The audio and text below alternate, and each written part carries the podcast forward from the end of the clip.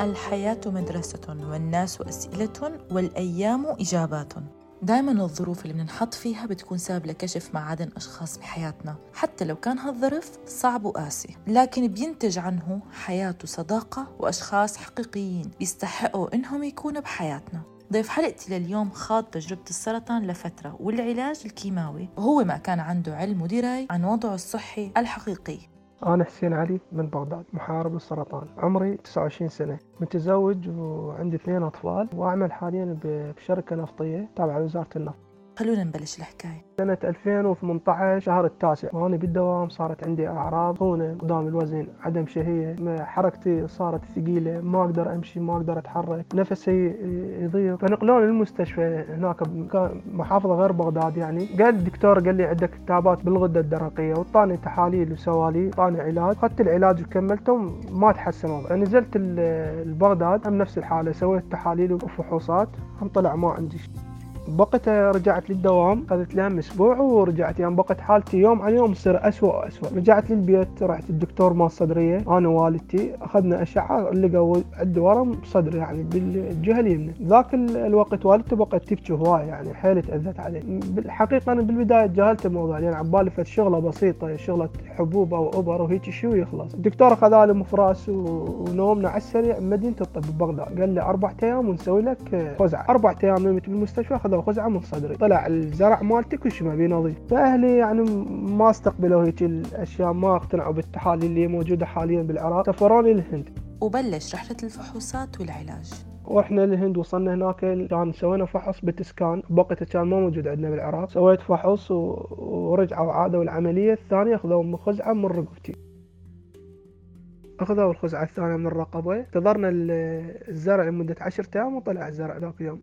قبل لا يطلع الزرع بيوم شفت والدي عن وضعيته تغيرت 180 درجة. كان ولد صديقه وياي. فقلت لهم شكو شنو اللي صار؟ قالوا لا ماكو شيء. اكو شيء صار؟ قالوا لا ماكو شيء صار. المهم ثاني يوم رحنا للدكتور حكى وياي الدكتور قال لي انت حسين كل شيء ما بيك. وإن شاء الله مسألة وقت وتطيب قلت له نعم دكتور قال الأورام اللي بجسمك انت نظيفة. وإن شاء الله بس يحتاج لك علاج كيميائي بسيط يخاف الأمراض لا سمح الله أمراض سرطانيه تصير بك فالصراحة أنا تقبلت الموضوع بكل رحابه الصدر بس أنا بعدين اكتشفت إن هذا الشيء صار علي شلون مسلسل أهلي سووا سووا بين بين الدكتور وبين أهلي اتفاقية على حالتي النفسية بذاك الوقت. المهم تقبلت الموضوع وكتب لي الدكتور 12 جرعة كيميائي وزائد 15 جلسة اشعاع وللأسف اضطروا عائلة حسين إخفاء الحقيقة للمحافظة على صحته النفسية. أخذت أول ست جرع يعني أول جرعة كانت كلش صعبة علي يعني تأذيت كلش تأذيت منها. عدم شهية يعني أكل شرب نوم ماكو يعني كلش تأذيت الحقيقة.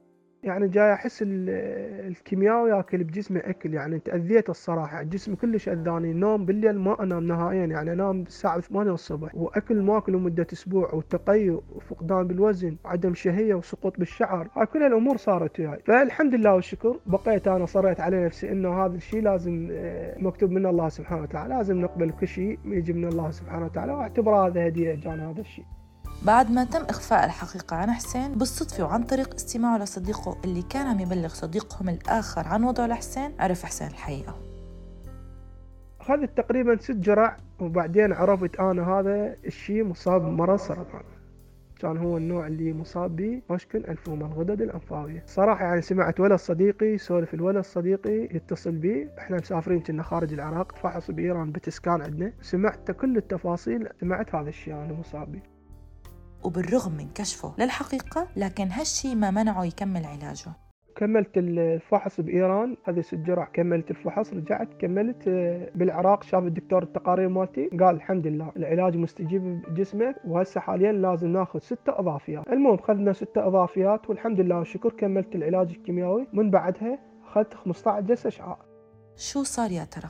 خذت آخر جرعة 2 5 2019 وآخر جلسة إشعاع 30 8 2019 الحمد لله والشكر خلصت كل شيء ورجعت حياتي طبيعية إن شاء الله. ورجعت الدوام بوقتها يعني لأن أنا عفت الدوام تقريبا لمدة 11 شهر أو 10 أشهر. الحمد لله والشكر أصدقائي سندون ووقفوا ويا أصحابي وياي بالدوام وأصدقاء هواي تعرفت من خلال المرض عليهم. هواي أصدقاء كشفتهم على حقيقتهم اللي أصدقاء مزيفين كانوا بحياتي. يعني هل شفي يا حسين؟ الحمد لله والشكر شافيت من هذا المرض. 1 9 2019 ورجعت الدوامي ورجعت حياتي طبيعية ورجع شعري مثل ما هو وأفضل. وجاي أمارس الرياضة حاليا يعني. وبشرنا حسين بشفائه من المرض لكن خلونا نعرف عن أهم الإنجازات اللي كان السرطان داعم لإلها غير أنه اكتشف معدن الأشخاص اللي بحياته. حاليا إحنا مجموعة الشباب تقريبا بنا 15 نفر. يعني جاء نقدم دافع معنا والبقية الشباب اللي مصابين بعمرنا. هذا أبسط شيء نقدر نقدمه لهم. واشكر السرطان اللي عرفنا على الناس على حقيقتها مع ورسالته لمحاربي السرطان؟ رسالتي بالخصوص إلى محاربين السرطان الشباب اللي بعمرنا إحنا. الأمل بالله حياة أخرى لا يعرفها إلا الصابرون. فرسالتي كل شخص خليك قوي وخلي عندك إرادة وخلي عندك أمل وطموح. يصير عندك أمل وطموح وإرادة لأن أنت يقينا يقينا راح راح إن شاء الله تتشافى. ودائما خلي تفكيرك بشيء إيجابي لا تفكر بشيء سلبي. أنا راح يصير بي هيك أنا راح يصير بي هيك. إن شاء الله تفكيرك كله حلو يصير مثلك وإن شاء الله تطيبون وترجعون مثل ما كنتوا. ويا رب في أحسن صحة وعافية. رب حسين ما وقف وضل عم بحارب بالرغم من إنه تم إخفاء الحقيقة عنه لكنه صمم وثابر على هزيمة السرطان واستطاع إنه يهزمه.